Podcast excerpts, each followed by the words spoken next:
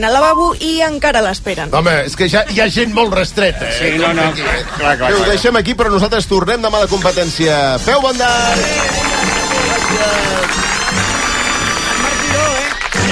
Ja ha arribat el Marc. Hola, Marc! Hola, Marc, bon dia i bona ja hora. en Marc Giró, la gent del vostè primer. I m'he adonat que ha... Eh, sense ànim de cosificar... Ah, mira, un altre.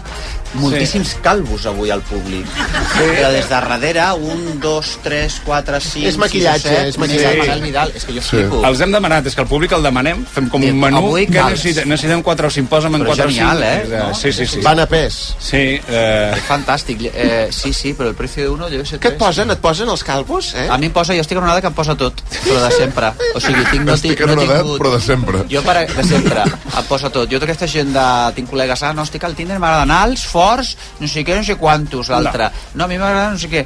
Jo no estic No. en disposició de... De triar. Jo estic a... Jo M'agraden estic- tots, seria la teva biografia, Sí. Jo és uh, Urbi et Orbi. el meu. Urbi et Orbi, És sí, sí, fantàstic. com el papa. Vale, Núria, què tal? Hola, molt bé. Ah, veus que bé. Tens la info... I el Xavi Rocamora, què tal? Hola, bon dia. Molt bé, ja Xavi, eh? Ho ha deixat Xavi, eh? No sé si...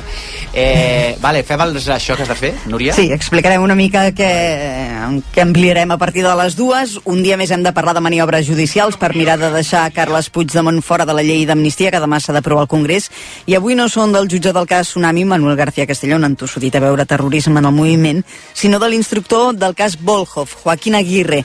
Cobra la porta a investigar Puigdemont per alta traïció, un delicte que també el deixaria fora de l'amnistia. I tot per la trama russa del procés, que diu que cal continuar investigant. Ell parla de reunions de Puigdemont amb enviats de Putin i fins i tot hi barreja la guerra a Ucraïna. Vaja, que ho explicarem a les dues. Anirem també cap a París perquè els agricultors francesos continuen en peu de guerra i avui volen bloquejar els accessos a la ciutat.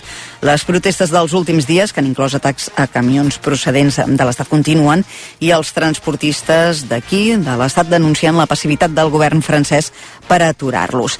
Les pantalles d'escoles i instituts també continuen al centre del debat. Avui Pedro Sánchez ha anunciat la creació d'un comitè d'experts per dissenyar les polítiques que han de permetre crear un entorn digital segur pels menors. El president espanyol alerta de l'augment del consum de porno violent entre els infants que ha qualificat d'autèntica epidèmia.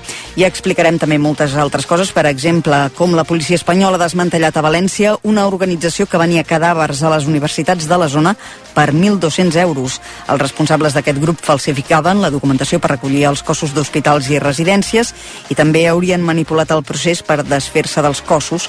Un cop havien servit a les universitats, dos dels quatre detinguts treballaven en una funerària. Explicarem també, doncs, com dèiem, al RACO migdia.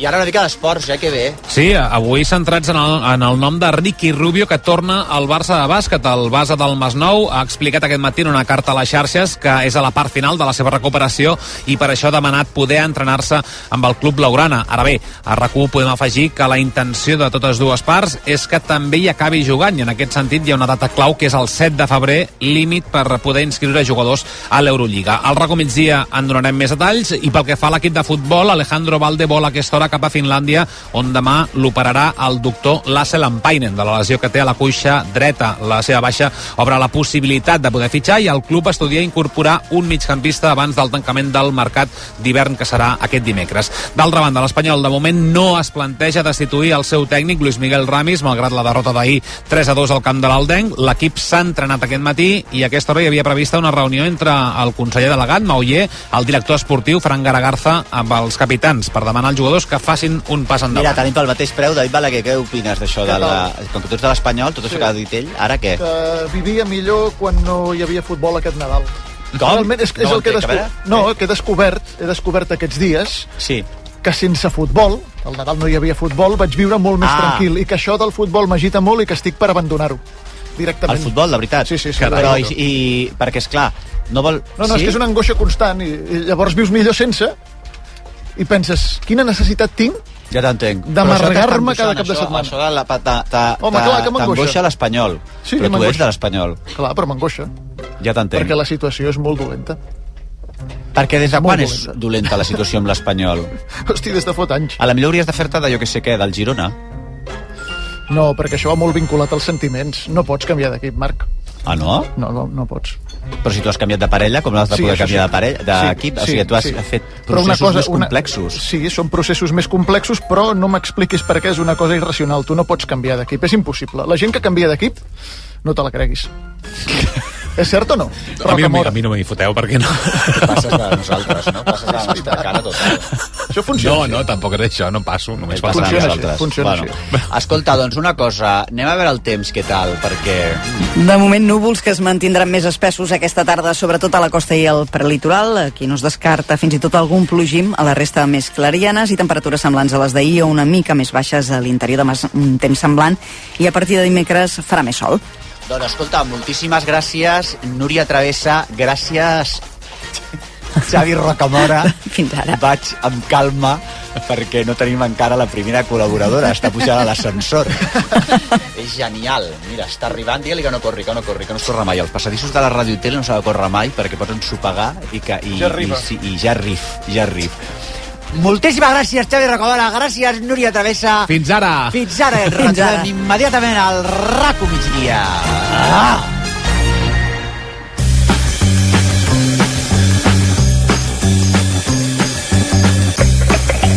Vostè primer.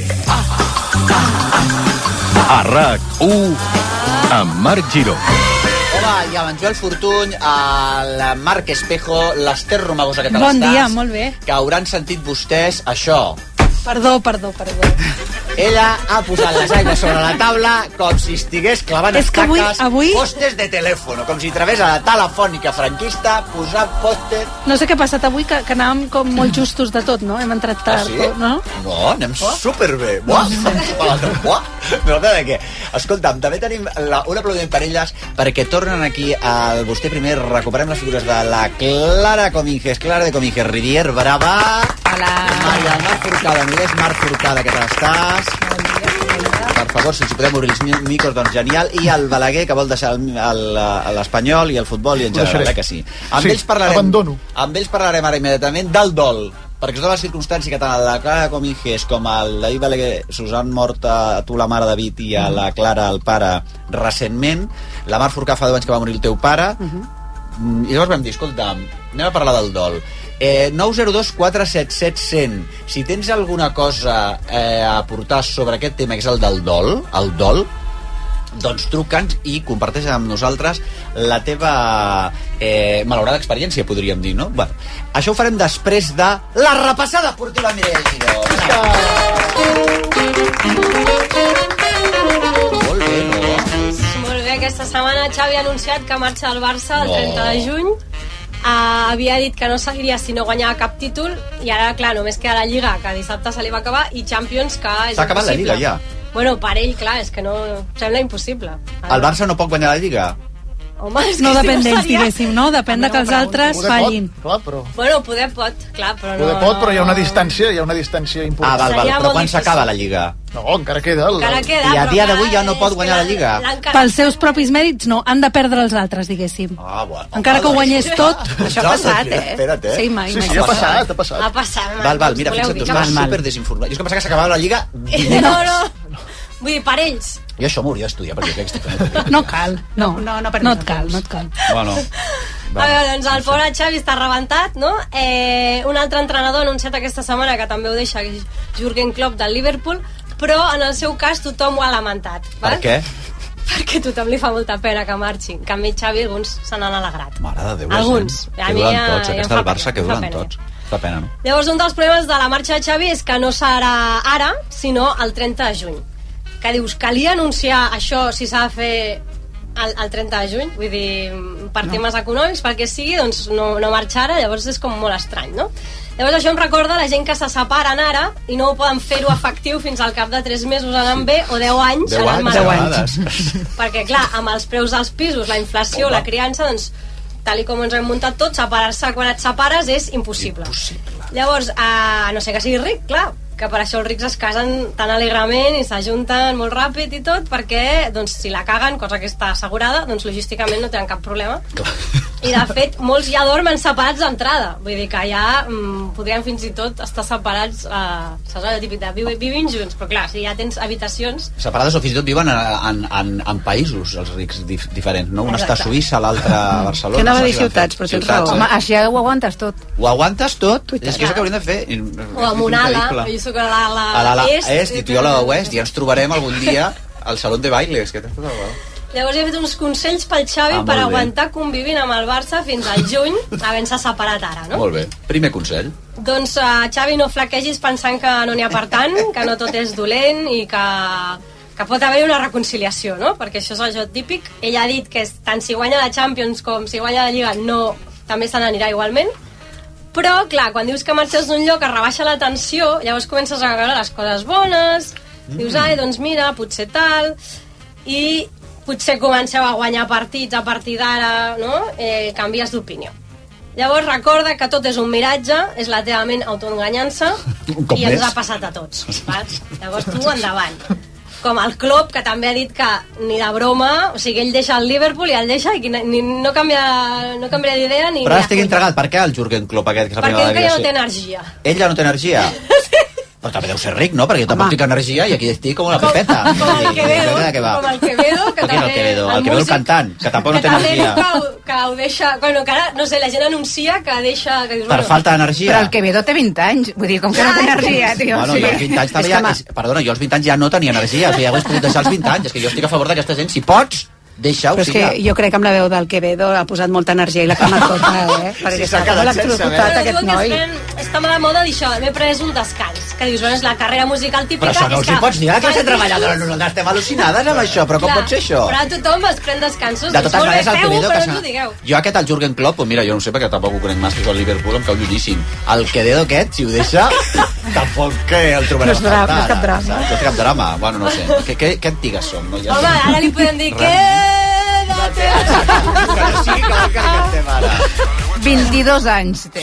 22. Jo estava esgotat als jo també, 22 també. la Estava esgotat. Jo si hagués pogut, jo si fos el Quevedo, ja fot la butxaca que ha fet aquest ca- cantant, quédate, que això ho trobo una genialitat.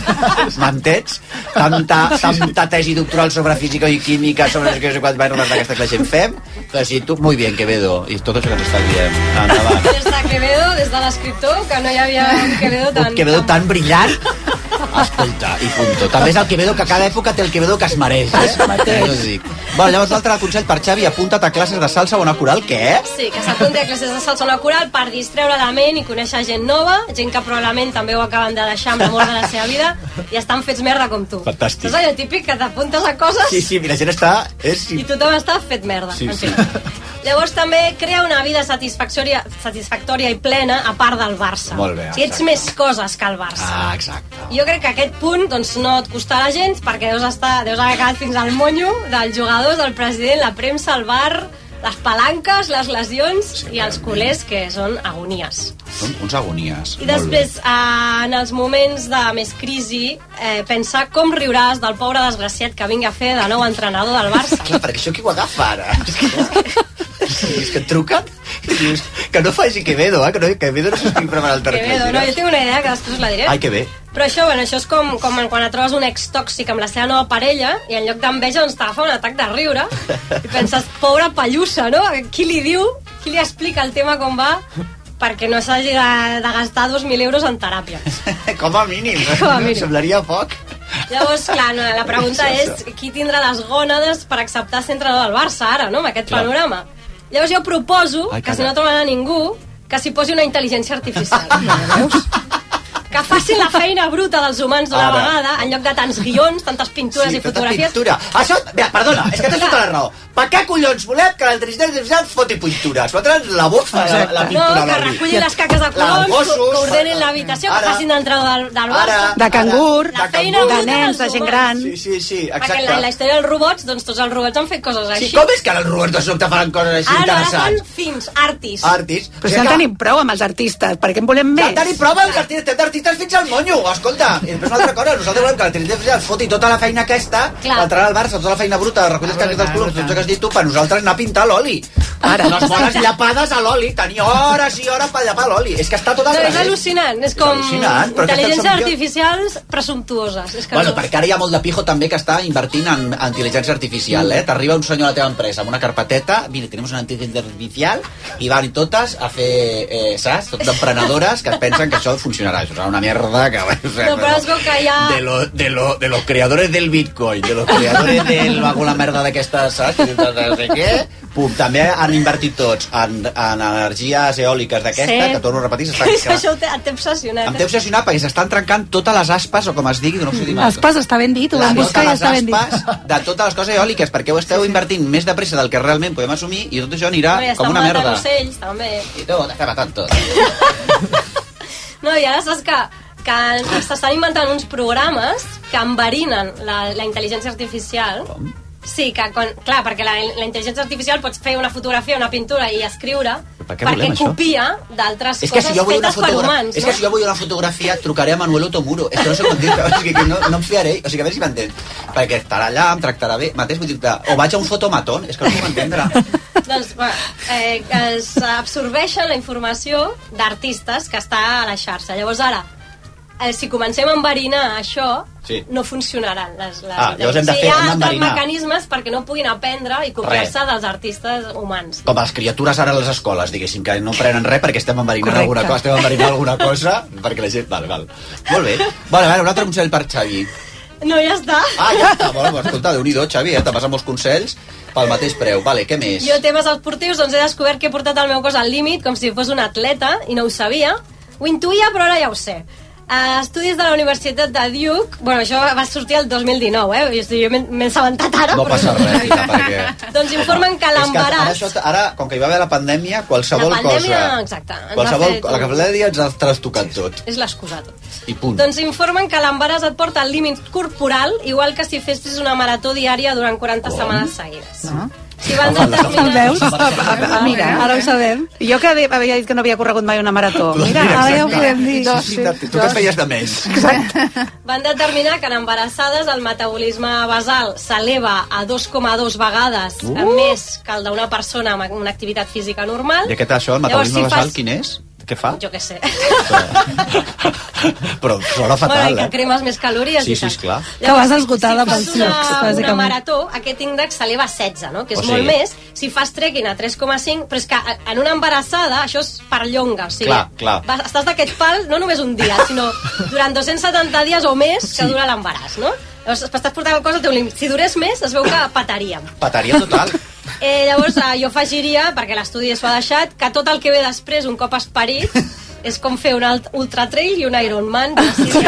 Sí, sí. Llavors, per tant, que no ens diguin mai més que no som físicament fortes. Fortes o tot aquest rotllo patatero. És veritat, és veritat. I tu, Marc Forcada, que tens tota la roca tota la vida. Absolutament. Fent la propaganda, que no és esportista, i tu No, ets no, esportista... però vamos, redomada, de eh? de Redomada total, eh? A més a més, ara en parlarem, tu Sí. tens esperit dos, eh, després la criança d'aquests dos, sí, que exacte. també... Que, bueno, en a vaig més, perdre un, diguéssim, pel camí, que això també té relació, o sigui, amb el que parlarem. O sigui, I després sí, sí. tens eh, ara la, Sí. les cures de la teva gent gran. O sigui, que si no ets i- esportista... tu no, no, exacte. estic. No, I a sobre vaig, faig esport perquè diuen que un s'ha de mantenir. Mantenir No, què? mantenir Més mantenir encara?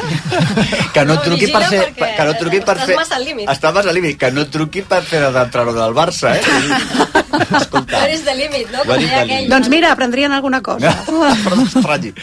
Digui, digui. No, no, va, escolta, s'ha posat de nova o no? No, S'ha no, posat de no moda? s'ha posat de moda, és Ah. una nova expressió Ah, que sí. jo crec que s'hauria de posar de Ah, moda, perdona. que és et recomano on, un on-field review, val? Et recomano on on field review. Sí. Això que això ho és? diuen cada cop que els recomanen revisar el bar. A veure. Ho tenim. Te recomiendo un on-field review. Vale, vale, et recomano un on-field review. Sí, sobre el camp, una revisió, Ah, una visió sobre el camp. no? Mm. Llavors, normalment això, quan diuen això, no acaba bé el tema, no? Aquesta setmana ho va dir Jaime Latre abans Quan de diuen, posar... perdona, això, no? Què és? Com Te era? recomiendo un on-field review. Vinga. Exacte. Això ho que és com de farmacèutic, eh? No, perdona, es que estoy un poco constipada y tal. Te recomiendo un Onfil Review. Se sona pastilla amb paracetamol. Esto combina para... O per les morenes, també Perdona, són, les pastilles... Bueno, però les pastilles ara et combinen cafeïna, paracetamol, antihistamínico... O sigui, aquella merda porta una quantitat de coses. Jo de vegades me les prenc, que no tinc res, però penso, té tant de mèrit això, que penso, carai, noia, o sigui, és que t'ho juro. Ho trobo... Fantàstic. Clar. Eh, bueno, aquí... No, anaves dient, anaves dient això del... Sí, doncs que això ho va dir Jaime Latre aquesta setmana abans de posar les imatges del bar a Monuera Montero, el qual després va anul·lar el penalti que havien xiulat durant el Barça a Villarreal. Llavors, eh, jo ho penso dir a partir d'ara, quan algú no tingui una actitud adequada o s'inventi coses, doncs et recomano un on-field review. Te recomiendo un on-field review. Exacte, que és com examina't a consciència, no? Sí. que diria Shakespeare, o vés a pasta fang, vés a pasta A la fang, merda. però amb metàfora futbolística. Molt bé, molt bé. I tenim la, la, la frase de la setmana. Mira La frase de bé. setmana que l'ha escrita a X, el pilot Dani Juncadella, ha dit menuda merda, referint-se al traçat del nou circuit de Fórmula 1 de Madrid, el qual s'ha pogut veure en un simulador. Sí, concretament ha dit no dic el que opino perquè si no m'empresonaran, o bé, sí que ho dic, quina merda. Quina merda, menú de mierda... Bueno, ha posat una icona, a la merda no Clar, hi clar, merda. una caqueta d'aquelles simpàtiques. Bueno, doncs escolta, un aplaudiment per Mireia Giró. Bé. Te recomiendo un on-field review. Exactament. I anem a parlar, senyores i senyors. Mira, que bé, no? Avui fa un dia rúfol, és dilluns, i nosaltres hem dit, anem a posar a prova, uh, uh, anem a posar a prova, a prova parlant del dol. El dol. Uf. Que animades, no? Que bé. Te recomiendo un Film Review. Escolta, a veure, nosaltres eh, tenim aquí a la Clara de Comic Rivier, que tal estàs, estimada? Que hem trobat bé. a faltar. Eh, després la Mar Forcada, què tal estàs? Fantàsticament. Fantàsticament. Vosaltres heu fet pandilleta, no? Perquè vosaltres Home, coincidíeu, home, vosaltres heu sí. fet pandilleta i quedeu a vegades. Sempre que podem. Sempre Home, que tant, podem, eh? tu diràs. Hosti, vaya menudes dos. Bueno, per no perdre el fil. a Per no perdre que- el fil. Bueno, això que- està, ha estat culpa meva, que les he posat Sí. sí. no veig el tècnic. Quasi em fa seure la seva Sí, falda. sí, sí, sí, la seva falta. Bueno, també el David Balaguer, què tal estàs? Bé, molt bé. T'agraïm molt que hagis, que hagis acceptat la invitació. Eh, invitació que cobraràs, eh? Cobren tots, aquí cobra malament, però tothom cobra, més o menys. Sí. Ens està sortint per un pico, eh, aquest programa d'avui. És que tal el porto dels pèls de punta. Bueno, parlarem del dol eh, per diverses raons. La primera perquè era un tema que eh, quan jo trucava la Clara ha d'esdevenir, no esdevenir, com ho fem, etc. doncs sorgia sempre, el teu pare va morir... Ara farà... fa un any, el, farà un any. el 17 de gener fa, va fer un any. El Jorge de Cominges eh, va morir fa un any i és una cosa que, és clar has estat ocupada amb aquest dol, l'has desplegat durant aquest últim any. Uh -huh. Vam tenir també la desgràcia que la teva mare, mm. David, va morir també aqu aquest any el passat. 23 de maig. Uh -huh. 23 de maig del 2023.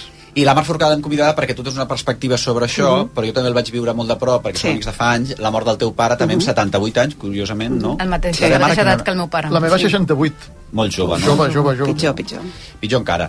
Bé, No, el... Bueno, eh, no, és, és un tema que, que, volem, que volem parlar. Exacte, exacte. A veure, vosaltres dieu, Clara, començo amb tu, Sí. que, bueno, deixa'm dir abans que 902 477 100, eh, si algú vol, mm, en la conversa troba que pot aportar alguna cosa respecte a aquest tema, doncs que ens truqui 902 477 100, bueno, seria... Jo crec que no és massa elegant que jo animi a les trucades a que tinc caldo a neto, si, si em vols parlar del dol, jo caldo a neto, però bueno, també veritat que si estàs passant un dol i et dono jo a caldo a neto, doncs també està bé. És una bona manera Una tassa de- caldo, Sí, sí. de Una tassa de caldo Un sempre caldet és agradable. calent. Sempre és agradable. Sí, sí, home, sí. Jo, Sempre s'agraeix. Exacte. Sempre s'agraeix un Sí. caldo a neto. Exacte, Sí. si A vol, neto. exacte. Ara no, no truqueu pel caldo neto i m'expliqueu un rotllo. Saps? No, pues mira, jo... No, o sigui, ha de ser... Clar. bueno, dit això, eh, el dol vosaltres dieu, Clara, que és un, un tabú, que no se'n parla, no? Sí, a veure, Fins jo, tot menys que la mort, dius. jo crec que sí que és un, eh, és un tabú, a veure, per- perquè és que hem de diferenciar el dol de la mort, perquè sembla que, mm, eh, que la mort s'acabi amb, amb el funeral. O sigui, aquí mm. molt bé, no? O sigui, aquí la gent, quan tu tens, sobretot si tens un pare malalt, la gent t'acompanya molt amb, amb la malaltia, perquè, clar, et veuen que tu vas a l'hospital, tal, com està el teu pare, tal, ai, deus anar de cul amb, amb l'hospital, amb tot això. Tot aquest acompanyament, el teu entorn t'acompanya molt. Fins al moment del funeral, que també t'acompanyen, i ja està. Llavors, en aquell moment, el dia de l'enterrament del funeral, allò s'acaba. S'acaba i et quedes sol. Mm. Et quedes sola. I a partir d'allà sembla que ja està, el que la gent ja ha fet la seva feina, t'ha donat el seu condol i a partir d'aquí, a partir d'aquí comença el teu dol. Però per la gent sembla que ja, ja no es, ja tu ja, mm, ja s'ha acabat. I bueno, tu, a part de totes les feines que has de fer, de, de, mm, si, si per exemple... en el Legals. Cas, legals, eh, etc que hagis de fer, tu has de fer una feina eh, emocional molt gran, que no dura un dia ni un mes, clar, cadascú li durarà el que li duri, no? Però la gent se n'oblida. O sigui, jo ara fa poc, al novembre, vaig anar a una festa, tal, i, i bueno, resulta que estava, estava malament i a mi em va sortir el dol físic i emocional, em va sortir al setembre. El meu pare es va morir al gener i el dol em va sortir al setembre. I vaig estar molt malament al setembre, octubre, novembre, estava molt malament. I la gent em preguntava, jo sóc d'aquestes persones ja que passo de dir, com estàs? Doncs pues, malament estic malament. I a gent que coneixia més o menys, eh? I dic, estic malament, per què? Què t'ha passat? Dic, bueno, doncs mira, per la mort del meu pare, doncs estic passant ara el dol i estic malament. Ah, la mort del teu pare, ah, és veritat. I llavors es posaven a pensar, diu, ui, però si el teu pare es va morir com al gener. Em miràvem amb aquella cara com dient, home, Ja n'hi ha prou, no? a, a veure, que fa nou mesos. Però jo crec que això eh, té una certa lògica perquè, en realitat, o sigui, això tot és pel ritme de la vida, crec. Uh -huh. O sigui, el ritme de la vida és molt, molt ràpid i llavors eh, nosaltres, de vegades, quan algú se li ha mort algú, no? una mare, un pare, un fill, també has estat allà al funeral i després, quan s'ha acabat el funeral, també l'has deixat abandonat. Que no és, faig servir el verb abandonar, Sí, sí. que no és abandonar, Mm. però... Llavors sí, és, jo sempre faig el símil ciclista. És com que vas en pilot durant el temps del... En en el cas de la meva mare va ser a l'hospital molts dies. Llavors vas com en pilot amb molta gent. Després, el dia del funeral, també tots en pilot, i de sobte et quedes tu sol allà pedalant el turmalet. És Sí. això, és, és Sí, sí. exactament això, eh? Sí, sí. Aquesta, perdona, soledat, Sí. Sí. potser és positiva. Sí. És a dir, Mm, sí. Sí, jo, jo volia dir, uh, arrel d'això que has dit, de, del ritme que portem, és que el dol uh, està absolutament renyit amb la quotidianitat. La vida, tal i com la tenim plantejada, és de cara a la producció. El dol no és productiu, al contrari, és parem màquines. És aturem-nos un moment, estic passant per un moment de molt patiment, eh, és, és un dolor que pot arribar a ser físic, així de clar. Eh, cadascú sent a la seva manera, però és un dolor que és tan present que, es, que pot ser físic. Aleshores, què passa? Que tot és tan ràpid, has d'arreglar temes legals, la vida segueix, tu si tens fills, si tens altra gent de qui t'has d'ocupar. Eh, en aquell moment també agraeixes que en el tanatori, almenys jo, perquè va ser... Pf, que vingui tothom, et digui el que hagi de dir i marxi, perquè hi ha molta gent que en el fons no vols que estigui allà, tampoc dius què pinten aquí, no? És igual, però hi ha moments de soledat que també l'agraeixes i la necessites. El que passa és que és una mica diferent al que deia la Clara, no? La Clara diu, eh, hi ha un moment que com que ja l'han enterrat se n'obliden de tu i no entenen que tu puguis seguir patint, seguir tenint aquest dol i que necessitis fer les coses a la teva manera. I potser no et vingui de gust anar a sopar, o em ve de gust anar a sopar, però ara me'n vaig. Que, que, que no entenguin que tu estiguis malament. No entenguin que tu puguis estar malament perquè se t'ha mort el teu pare. tu, Clara, has optat per dir que estaves malament. Jo he optat per dir que estava Nosaltres hem malament. parlat sí, aquests sí, aquests sí, sí. I jo, he, I jo he optat, i a mi, quan em va sortir, jo a l'estiu vaig fer un viatge, va, em vaig posar a escriure sobre el meu pare, i a l'escriure sobre el meu pare vaig començar a plorar, em va començar a sortir tot, no? I jo allà vaig tenir la necessitat de parlar, de parlar amb gent, però no, no em servia parlar amb els meus amics, necessitava parlar amb gent que estava com jo i vaig trobar una solució que era eh, un grup de dol. Uh -huh. que, que això no és una cosa que hagi de fer tothom, però a mi em va anar molt bé. Per què? Perquè em vaig trobar amb gent que estava passant el mateix que jo. Cada cop un, una altra persona ja estava parlant de dir no, és que he de buidar la casa del meu pare i m'agobio i no sé què. I clar, això m'estava passant a mi. D'una altra manera, però m'estava passant a mi. O et trobaves gent que no tenia res a veure amb mi, però que li passava. Jo l'altre dia estava escoltant un podcast, justament eh, teu, eh, d'una entrevista que et van fer a Catalunya Ràdio, Mhm. i n- no estaves parlant de l'amor, però estaves parlant de que estaves eh, a, a, a la nit a, amb la teva mare a, eh, en una cadira Sí. vetllant la teva mare a l'hospital, i jo, en aquell moment, em vaig posar a plorar perquè, perquè a mi em va recordar en una nit que vaig passar amb el meu pare igual, a la cadira, amb el meu pare vetllant el, el meu pare. Llavors, aquests moments d'empatia de gent que ha passat el mateix que tu, per mi, són fonamentals. i, i, i per mi són molt necessaris això- i m'ajuden molt. Per això crec que és un tema que se n'ha de parlar. Jo, jo que sóc una persona que en alguns aspectes de la meva vida sóc molt expansiu i ho explico tot i no tinc cap problema per explicar... Aquí, per exemple, el vostè primer, que hi vinc des del primer dia, he explicat coses bestials de la meva vida, que no em fa cap mena de vergonya explicar. I, en canvi, amb aquest tema de la meva mare, jo he estat un tio molt hermètic. Mm. No explico mai res, no dic mai res. De vegades em pregunten, com estàs? Eh, bé, vaig fent, vaig fent. No vull explicar. I no... Després, clar, arriba un dia que fas una entrevista com aquella i expliques coses i sí que t'arriben missatges de gent, en aquest cas tu ho estàs dient avui, però de gent que s'ha emocionat, clar. Anem a escoltar la història. De... Ens ha trucat la Mercè. Eh, Mercè, què tal estàs? Vostè primera. Hola. Hola, Mercè. Explica'ns... Anar Anar fent. Eh, Explica'ns el teu, el teu cas. Doncs eh, jo vaig perdre la mare eh, fa 4 anys i mig. La vaig estar cuidant durant 10 anys. Tenia Alzheimer. Perdoneu, eh, que encara em surt un nus a la cola. um, I han passat 4 anys i mig i jo segueixo de dol. La gent no ho entén. Mm, No trobes ningú amb qui parlar. Uh, costa respirar quan penses en ella, et costa dormir. Eh, I jo pregunto, quan s'acaba això? I ningú m'ho sap dir. I és complicat que la gent t'entengui. Perquè jo estic casada i tinc fills, i ara que els meus fills han marxat de casa, encara és pitjor. Perquè estic moltes hores sola i li dones moltes voltes al cap. I sempre hi ha un moment al dia, sempre hi ha un moment al dia en què fas una cosa o, o veus una cosa i, i t'enfonses. Perquè penses en ella i t'enfonses. Com es veia la I teva mare, Mercè? La meva mare es deia Teresa. Teresa.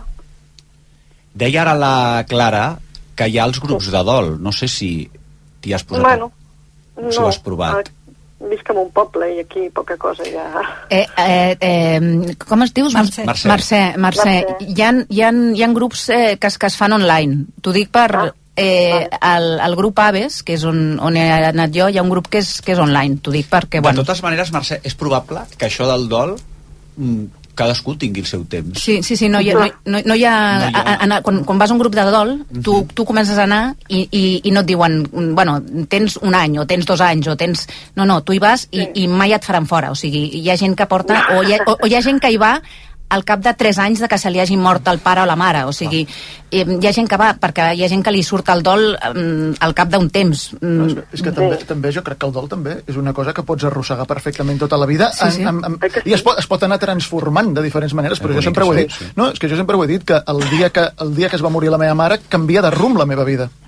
Exacte. La vida de tots canvia de rumb diferent. quan, quan, canvia. davant d'una pèrdua d'aquest tipus. Llavors això ho Canvia pots, ho pots arrossegar tota la vida i hi haurà èpoques que estaràs millor, èpoques pitjor, sempre et vindrà un record. És, és Jo, jo inevitable. soc diferent, jo soc diferent, soc diferent, no soc la mateixa. Mercè, per positivitzar-ho, eh? En comptes d'arrossegar, és com recol·locar, no? És com aquestes peces que s'han Sí. trencat, ara anem a recol·locar-les, per intentar positivitzar-ho, eh?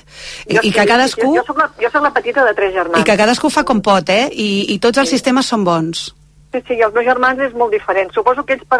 em porto bastants anys de diferència amb els meus germans, i suposo que ells ho devien tenir mm, certament una mica assumit, vull dir, forma part de la seva vida. Els seus pares s'han de morir, però clar, jo em porto 10 anys amb els meus germans i a mi no em tocava. jo sempre dic el mateix, és que no em tocava.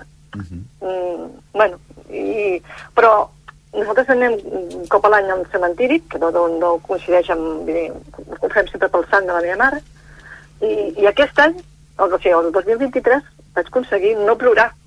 I els meus germans em felicitaven. Mm, és això, ho vas transformant, ho vas canviant, però, però hi és, està dintre, i no està dintre. I, I pot tant. sortir en qualsevol moment del dia. I tant. Mercè, escolta, tonteria. moltíssimes gràcies per compartir la teva història amb nosaltres. No, gràcies a vosaltres per tocar aquest tema, mm, perquè no se'n parla gaire i se n'hauria de parlar més. Doncs escolta, I gràcies per aquest programa tan fantàstic que fas, Marc, que l'escolto cada dia. moltíssimes gràcies, estimada. Moltíssimes Gràcies. gràcies. Anem a escol- Una abraçada a tots. Una abraçada. Anem a escoltar la història de la Montse. Montse, què tal estàs? Hola. Hola, Montse. Bé, Quina història és la teva? bueno, més que una història és que he vist que heu plantejat el que és tradicional, és a dir, el dol respecte a una mort natural, que és els pares. Quan qui se't mor és la filla, és una mica diferent el plantejament i el dol el, veus, el vius molt diferent. És el teu cas, perquè no Montse? toca. Tu estàs esperant que et fas gran i que et cuidaran i resulta que ets tu qui has de cuidar la filla i acompanyar-la amb el seu procés de morir. Llavors és diferent. I en el meu cas concret vaig afegir que els tres mesos justos la meva mare, és a dir, la seva àvia, també va morir. Tot plegat, doncs, es porta d'una altra manera. I coincideixo amb vosaltres que és un tabú parlar del dol, igual que continua sent un tabú parlant de la mort. I, bueno, en el meu cas he tingut la sort, i ho dic així, d'estar en un entorn amb molt suport emocional, que hem pogut naturalitzar amb les seves filles i elles també han estat amb l'acompanyament, però que després el dol tendim o a no parlar o a dramatitzar-lo i no incorporar-ho en el nostre dia a dia i entendre que és normal, que estàs fent una cosa divertida i te'n recordes de elles de la mama i jo de la meva filla. Eh, Montse, et puc preguntar natural. eh, quina edat tenia la teva filla? Tu has dit que la teva filla tenia filles. Sí. 41 anys, I tenia fills? dos nenes. Quan fa que va morir? pues la meva filla al juliol i la meva mare a l'octubre. Per tant, és molt recent. Sí, sí, sí, sí. Però jo em vaig agafar amb la filosofia de la meva filla que durant tot el procés de la seva malaltia, era un tema oncològic, va voler viure de forma natural amb les nenes, amb les petites, ens vam dedicar a crear records, a fer activitats, i ara aprofitem pues, de tant en tant eh, també fem sortides i fem el mateix que fèiem amb la mare, recordar-la des d'una vessant més lúdica. No, intentem no fer-ho dramàticament. I llavors la meva aportació seria per la gent que naturalitzem, parlem amb normalitat, ho incorporem i mm, pensem en els que falten des del record dels bons moments. És un bon consell, eh? a mi m'ha- a mi m'està ajudant molt i, i a la gent del meu entorn que els hi costa més la meva actitud també veig que els ajuda i penso que pot ajudar altres persones Ah, tu dius que, és, que el teu cas, realment, mor la teva filla i mor la teva mare, que són dos Sí. dels grans vincles que una dona pot arribar a tenir, diguéssim. eh... Sí, al davant i al darrere tu tens es, espai per organitzar els dols? Perquè suposo que un dol es solapa amb l'altre, jo no sé això. Bueno, és que um, hi ha coses que ens hem de preparar Mm, si la meva filla tenia una malaltia que ja sabem com podia acabar, no podem ignorar la possibilitat. Quan tu tens una malaltia oncològica, una de les opcions és que et puguis morir. Llavors això, aquesta opció, moltes vegades ens l'amaguem. La meva mare tenia 93 anys i diverses patologies. Doncs també t'has de preparar, has d'entendre que en un moment donat mm, la mama no hi serà. I llavors això pues, també és una mica tabú, no ho volem veure, saps? Mirem cap a un altre costat.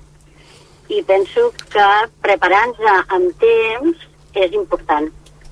Doncs escolta, Montse, moltíssimes gràcies i A vosaltres. aquí estarem pel que calgui. Perfecte, gràcies. Gràcies pel teu bon dia. testimoni. Moltíssimes gràcies. Dèiem eh, que els dols, dieu, eh, Clara Mar, no venen sols.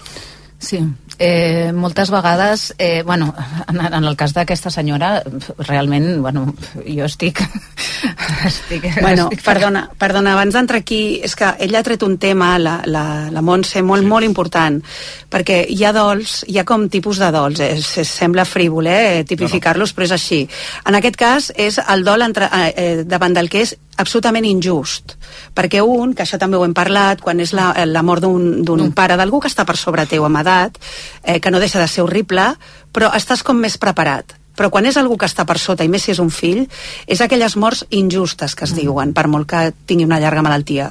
Aleshores, aquí el, el dol es complica encara molt més, perquè des del punt de vista de la societat, tampoc, des d'aquest punt de vista la societat tampoc està preparada. Els hospitals, Sant Joan de Déu, per exemple, té, però clar, en aquest cas era una senyora més gran, Clar, és un Però- dol però- molt més difícil d'afrontar. Però alhora jo crec que també hi ha més recolzament per part de la societat. Fins que la gent se'n cansa, perquè eh? una persona també Perquè entén això- més que se't mori un fill que que se't mori un, un pare, perquè un Sí. pare és, bueno, se t'ha mort el pare, que també és això, que, i que ella deia, diu, bueno, la meva mare tenia 93 anys, però jo també penso que a vegades això de dir, ostres, mm, té 68 anys, ostres, que jove, però bueno, tu també tens dret que se't mori la Bueno, mare de moltes vegades diu 90... De la gent gran, bueno, 93 anys fa la gent, bueno. De La noranta- llei de vida. Però això, allò que diu de llei de llei vida, de que és vida, però tu que tens dret, però tu, te, però tu tens dret que se't mori la mare de 93 anys i de passar-ho malament. És que sembla, a vegades... No minimitza- a vegades no sembla que, que, que una persona de 93 anys sigui un moble. Perdoni, mm, vull dir, et pots preparar. Està clar que jo has deia tingut temps per preparar-se. jo deia això dels dols que no venen sols Sí, perquè dèieu que, és clar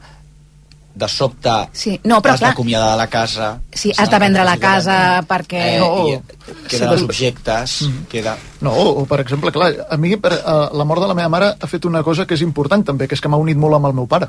Ah, clar, es me'l- refan els vincles. Clar, s'ha refet un vincle aquí molt potent i jo molts dies ara vaig a dinar a casa del meu pare i dinem els Clar. dos sols allà, cara a cara, que era una cosa que no havia passat mai. I llavors tu ets allà en aquella casa on es van viure uns dies d'abril molt durs i uns dies de maig molt durs i clar, vas recordant coses, vas veient imatges... mm, e- És constant.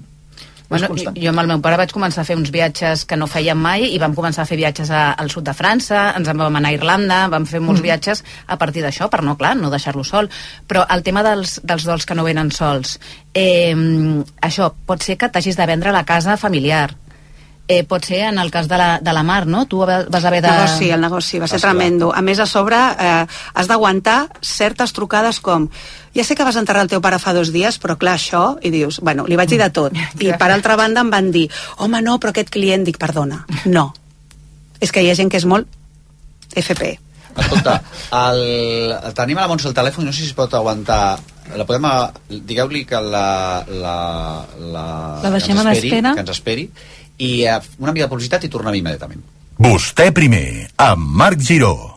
Si triar és estalviar for you, estalvia triant la segona unitat al 70% de descompte en més de 2.000 productes, com en el detergent líquid Ariel al pes de 40 rentades. Si en compres dos, t'estalvies el 70% en la segona unitat. Fins al 12 de febrer a Carrefour i Carrefour.es. Carrefour, aquí poder triar és poder estalviar. Empresa que et cuida.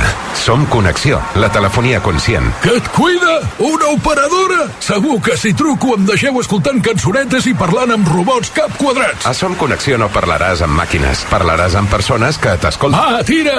Les operadores volen fer trinco-trinco, encolomar històries i permanències. Si vols, truca i comprova-ho.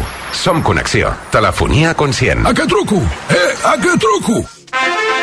Que sorte t'hi veig, Sojolpe no em tocó el radiador, soy xapa. Amb l'assegurança de cotxe de línia directa no només t'estalvies uns bons calés, sinó que a més a més pots escollir el taller que vulguis aquí o a les Ries Baixes. I si tries un taller col·laborador també tens cotxe de substitució garantit, servei de recollida i lliurament. Canvia't ara i te baixem el preu de l'assegurança de cotxe sí o sí. Vine a directe a líniadirecta.com o truca al 917 700 700. El valor de ser directe. Consulta les condicions. El 9 de febrer, RAC1 On Tour. El divendres dia 9 posarem rodes a la ràdio i visitarem les quatre capitals del país per celebrar el Dia Mundial de la Ràdio. El món a RAC1 amb Jordi Basté des del Teatre La Llotja de Lleida. Jo crec que hauríem de fer més sovint el programa des d'aquí. La competència amb els Oscars i el vostè primer amb Marc Giró des de l'aula magna de la URB, al Campus Catalunya de Tarragona. És aquell dia que foteu la programació especial de RAC1, no? Que això s'ha omplert moltíssim. Versió RAC1 amb Toni Clapés, des de la carpa del Circ Històric Reluí al Port Vell de Barcelona. Moltíssimes, moltíssimes gràcies. No ho sé, amb Anna Ballonesta i tu diràs amb Aleix Pariser des del Centre Cultural La Mercè de Girona. Les 8 en punt, bona nit. Benvinguts al Tu diràs, un Tu diràs especial. Us hi esperem, l'entrada és lliure. Podeu seguir tota la jornada a la ràdio i viure-ho en directe a racu.cat i a la xarxa més. Sintonia! Va! El divendres 9 de febrer, RAC1 on tour per celebrar el Dia Mundial de la Ràdio. Tots som u. Amb el suport de la Diputació de Girona, la Diputació de Lleida, l'Ajuntament de Lleida i la Universitat Rovira i Virgili. I amb la col·laboració de Torrons Vicenç, Montse Interiors i Cellers Maset. Voleu venir de públic al Vostè Primer? Aneu als nostres comptes a les xarxes socials. Vostè Primer RAC1 a Twitter i Instagram. Allà hi trobareu l'enllaç per apuntar-vos. De dilluns a divendres, d'una a dues del migdia, Vostè Primer, a RAC1 amb Marc Giró. Seguim parlant del dol amb en David Balaguer, la Clara de Comic Riviera i la Mar Forcada, que esteu sent molt generosos, és a dir. Eh, tenim una trucada nova, la Montse. Montse, vostè primera. Què tal estàs? Hola, bon dia. Hola. Bon dia. Bueno, jo us trucava perquè us estava escoltant i eh, bueno, se m'acudien un parell de reflexions no, sobre el que parlem. Jo he perdut a la mare fa tres mesos i estic bueno, encara en el primer procés aquest de dol, no? que bueno, encara estàs en moment d'assimilar. I el que he viscut des de des de l'experiència és que, eh, clar, en primer lloc és un procés que, que, sobretot pels nostres pares, no és un procés que estava naturalitzat ni estava parlant, no? I et trobes en un moment en què la meva mare va morir així de cop, en dos dies, i um, no saps una miqueta com gestionar, no? Què ha vingut ella, no? Quin enterrament hagués volgut... Uh, bueno, és un moment que, que és un dilema que, que és una situació que la passes improvisant una miqueta, no? I això eh, també ens va fer reflexionar la meva germana i a mi no, sobre el dol que estàvem passant, de, de què volíem, com volíem gestionar nosaltres aquest moment també, no? Perquè per evitar potser una miqueta passar aquestes situacions, no? A la gent que deixem al darrere. I, i dèiem una miqueta que a nosaltres potser ens hagués agradat que la meva mare hagués estat incinerada i ens hagués consolat potser tenir una part d'ella amb nosaltres, no? Amb una joia, era un tema que parlàvem, no? I a la meva mare la vam, en, la vam enterrar al cementiri i, bueno, vam fer un procés més clàssic, no? I, i d'aquí, doncs, les dues vam dir, bueno, doncs ho deixarem per escrit i, a més a més, volem que quan nosaltres faltem, els que queden puguin decidir com gestionarien millor per ells el que no hi siguem, no? Què preferirien? Preferirien que ens incineressin? Preferirien eh, plantar un arbre? No sé, qualsevol d'aquestes idees que ells puguen És a dir, fer... tu proposes de parlar-ne, parlar de la mort Sí, de la millor manera possible, incorporar-ho al discurs eh, Sí, i tant. de la I família a més i dels poder, amics. Poder escollir això, perquè mira, la meva germana i jo dèiem, a nosaltres ens hagués agradat, per exemple, que si a la mama l'haguessin incinerat, l'haguessin pogut incinerar, i hagués pogut quedar, no ho sé, no, una part de les seves cendres i, i fer-ne una joia, per exemple. A mi m'hagués agradat tenir aquest contacte diari amb ella, no? Poder-lo tenir ara, no? Potser trobes de- fórmules per fer-ho mm, d'alguna altra manera, diguéssim. Jo crec que incorporar els que no hi són en el dia a dia no està mal. Sí. Jo, jo per mi, per exemple, jo per mi, eh, això és molt personal, no?, i cadascú ho viu a la seva manera, però a mi, per exemple, a mi ara m'hagués consolat poder-ne poder tenir una part d'ella amb mi, no?, en el meu dia a dia. I potser una fórmula que a mi m'hagués agradat hagués estat aquesta, no?, tenir una part de les cendres, o, o a casa, o amb una joia, o amb, el- no ho sé, algun lloc que jo hi pogués contactar-hi físicament, no?, en el meu dia a dia. Montse, escolta'm una cosa, moltíssimes gràcies per la teva història. vale. Una abraçada. A vosaltres. Que vagi molt bé. Vinga.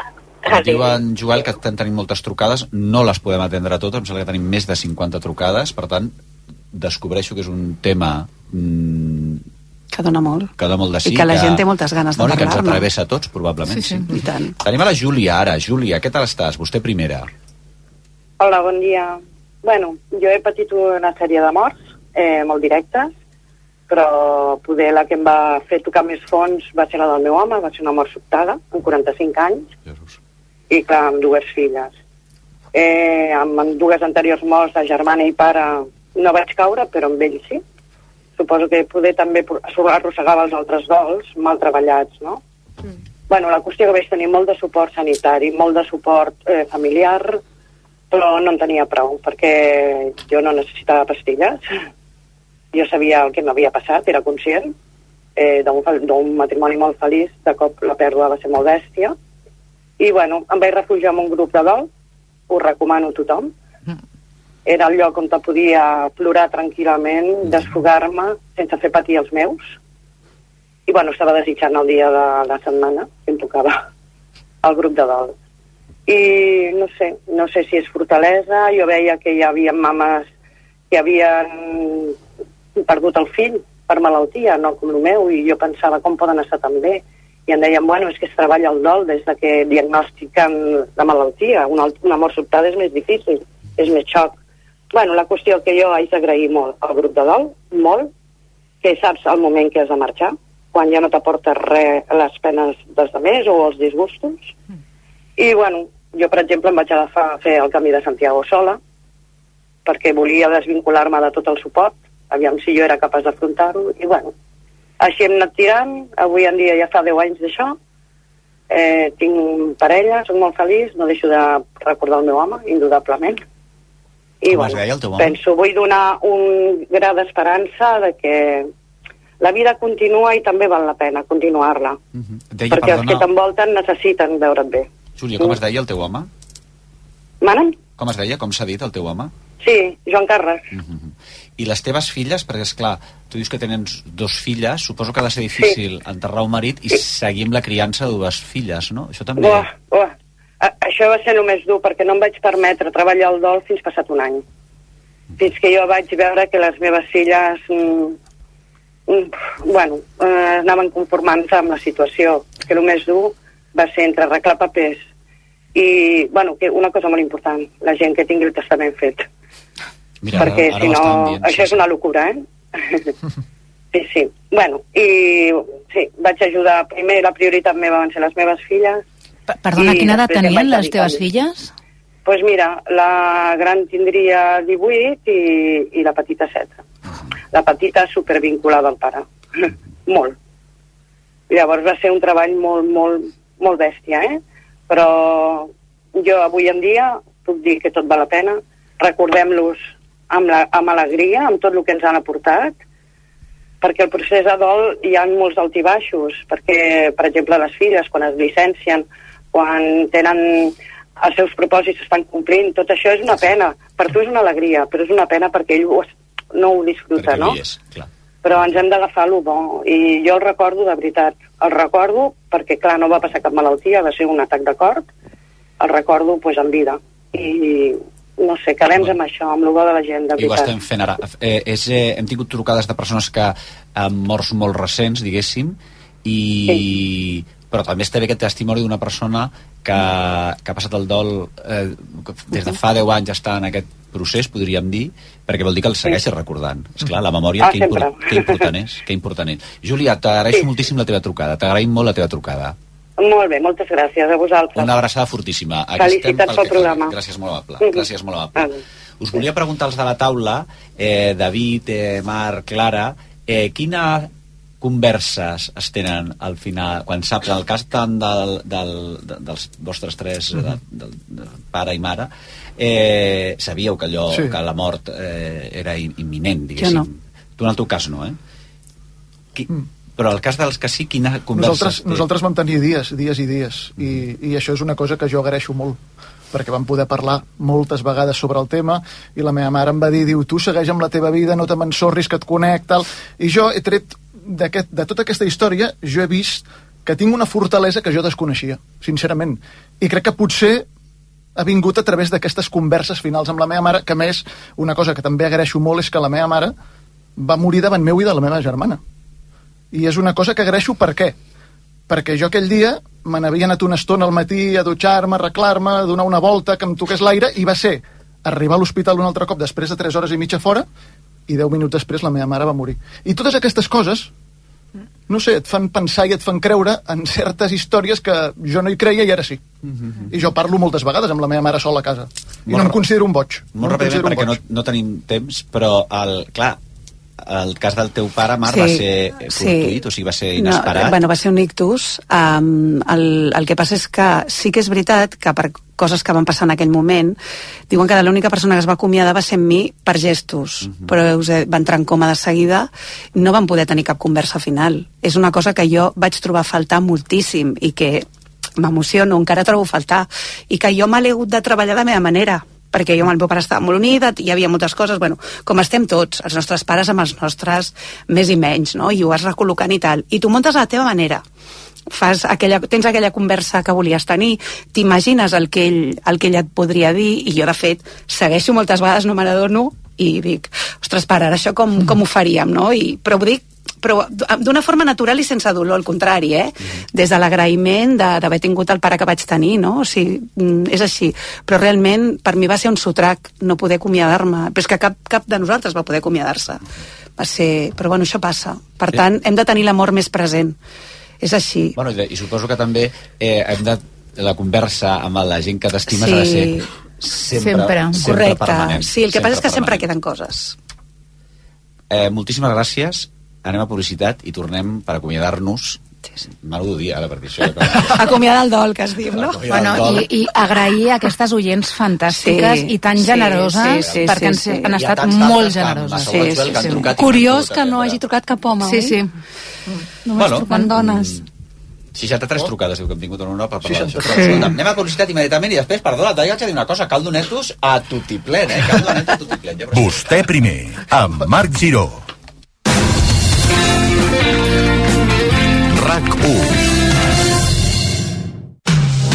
La Miranda International School, situada en un entorn natural a Sant Just d'Esvern, ofereix un ferm compromís amb l'educació a partir d'un programa acadèmic multilingüe i tecnològicament avançat. Et convidem a la nostra jornada de portes obertes el proper dissabte 17 de febrer a les 10 del matí. Inscriu-te a lamiranda.eu. La Miranda, an inspired international school. Discover, love and learn. Bon dia, la puc ajudar en alguna cosa? Busca un sofà, un matalàs, decoració? Mm, sí, busco el meu marit. Érem aquí a la botiga provant sofàs i no sé on... Relaxem-nos més. A Galeries del Tresillo estem de rebaixes. Rebaixes de fins a un 50% en sofàs, matalassos, decoració i molt més. Galeries del Tresillo. I si ser normal estigués sobrevalorat? David Verdaguer i Albert Prat protagonitzen Elling, una entranyable comèdia sobre l'amistat a la Villarroel. Una història de perdedors que aprenen a guanyar en una comèdia sorprenent. Perquè a vegades començar una vida normal pot ser la més gran de les aventures. A partir del 27 de gener a la Villarroel. Entrades a la villarroel.cat i promentrada.com.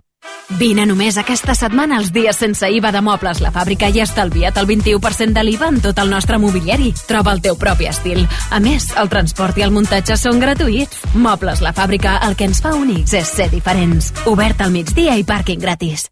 L'Orquestra Simfònica del Vallès et convida a celebrar la vida amb la sinfonia número 6 de Beethoven, La Pastoral. A més, escoltarem cantos i revueltes de la mà del seu autor, Patxe Flores, acompanyat pel quatre veneçolà de Leo Rondón i l'obra Accents catalans d'Elisenda Fàbregas. Dissabte 3 de febrer al Palau de la Música Catalana. Entrades a osvallès.com. Et preocupa el futur dels teus fills? Multiplica les seves oportunitats a la Salle Bonanova. Un centre amb grans instal·lacions, professorat en contínua formació i el millor equip humà. Visita la web de la Salle Bonanova i consulta la informació pel proper curs. Toc, toc, te n'has assabentat? Arriben els Suzuki Days. Tres dies de descomptes exclusius a la gamma Suzuki. Què? Doncs això, fins a 6.500 euros de descompte en vehicles en estoc i un bo de 500 euros de descompte addicional. Estrena Suzuki a preu imbatible. Imbatible! Suzuki Days, 21, 22 i 23 de febrer. Consulten les condicions a la xarxa de concessionaris Suzuki de Catalunya. T'agradaria viure la millor experiència immersiva de Barcelona? Descobreix The Great Library of Tomorrow, una aventura immersiva en la que tu ets el protagonista i on podràs caminar per mons màgics i de fantasia, com si entressis a la pel·lícula Avatar. The Great Library of Tomorrow és el metavers més gran del món i s'ha estrenat al centre de Barcelona, a l'espai immersiu Aribau. Una experiència màgica i inoblidable per a tota la família. Aconsegueix la teva entrada a thegreatlibraryoftomorrow.com Torna Gran Sarrià Musical, un concert amb música de grans bandes sonores seguit de la projecció d'un clàssic del cinema. El 10 de febrer t'espera el 30è aniversari de Misterioso Asesinato en Manhattan de Woody Allen. I més endavant, Casablanca, La vida és bella i moltes altres. Entrades a moviecinemas.com. Movie Cinemas, els cinemes de Barcelona. Actualització constant a rac1.cat. El portal de notícies de RAC1. R-A-C-U.C-A-T Escolta, el fa un dia d'hivern que és rufulíssim, eh? Saps què ens ve de gust a nosaltres, Què ens ve de gust, Marc? Un caldo a neto. Exacte, perquè ens encanta perquè ajuda el cos eh, gràcies a l'elevat contingut d'aigua, vitamines i minerals i està fet amb ingredients frescos i 100% naturals. N'hi ha de pollastre, de verdura, de carn i avui per últim dia tots els que han vingut de públic. El vostè primer s'enduran un lot de caldo Oh, a Neto perquè quan el cos et demana caldo, dona-li el que es mereix. Vosaltres també. Eh? molt bé, molt bé. Caldo a Neto. Fins demà, gràcies a tots. Seguirem parlant del dol, eh? perquè hi ha moltíssima gent que ens sí. diuen ara que hi ha altres dols, el sí. de l'amistat, el de la parella, quan et jubiles, i si, eh, Tot, haurem sí. de seguir parlant. Eh, gràcies, fins demà, que vagi bé. Te recomiendo un on-field review. Informació, actualitat, esports, entreteniment, al mòbil, a la tauleta, en podcast, en aplicació, en ràdio. RAC1. Tots som u. Amb la col·laboració del Departament de la Presidència de la Generalitat de Catalunya. El Martí és un propietari que es vol vendre el pis per 250.000 euros. La Sara es vol comprar un pis com el del Martí. A la Sara i al Martí els creuarà el destí? No, els creuarà Housefy Connect, la tecnologia de Housefy que troba el comprador ideal tres vegades més ràpid. Informa't a housefy.com. Sí, Housefy. El 4 de febrer, Barcelona obre el Mundial de Trial Indoor 2024. Arrenca la cursa pel títol amb Toni Bou, Adam Raga, Busto i Marcelí al Palau Sant Jordi. I torna l'únic duel indoor Bristow Avellan amb el Women's Trophy. El 4 de febrer viu l'Universae Trial Indoor de Barcelona. Un gran espectacle per a tota la família. Entrades a rpmticket.com. RAC1, emissora oficial de l'Universae Trial Indoor de Barcelona. Aconsegueix amb La Vanguardia la guia de vins 2024 amb els 100 vins que no pots perdre't seleccionats pels nostres experts col·laboradors.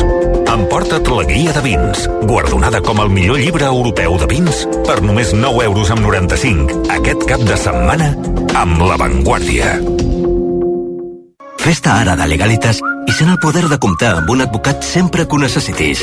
Truca gratis al 900 106 08 o entra a legalitas.com. RAC1. Vols ser l'oient que més sap de ràdio a Catalunya? Vine a jugar amb nosaltres i opta a guanyar grans premis. El divendres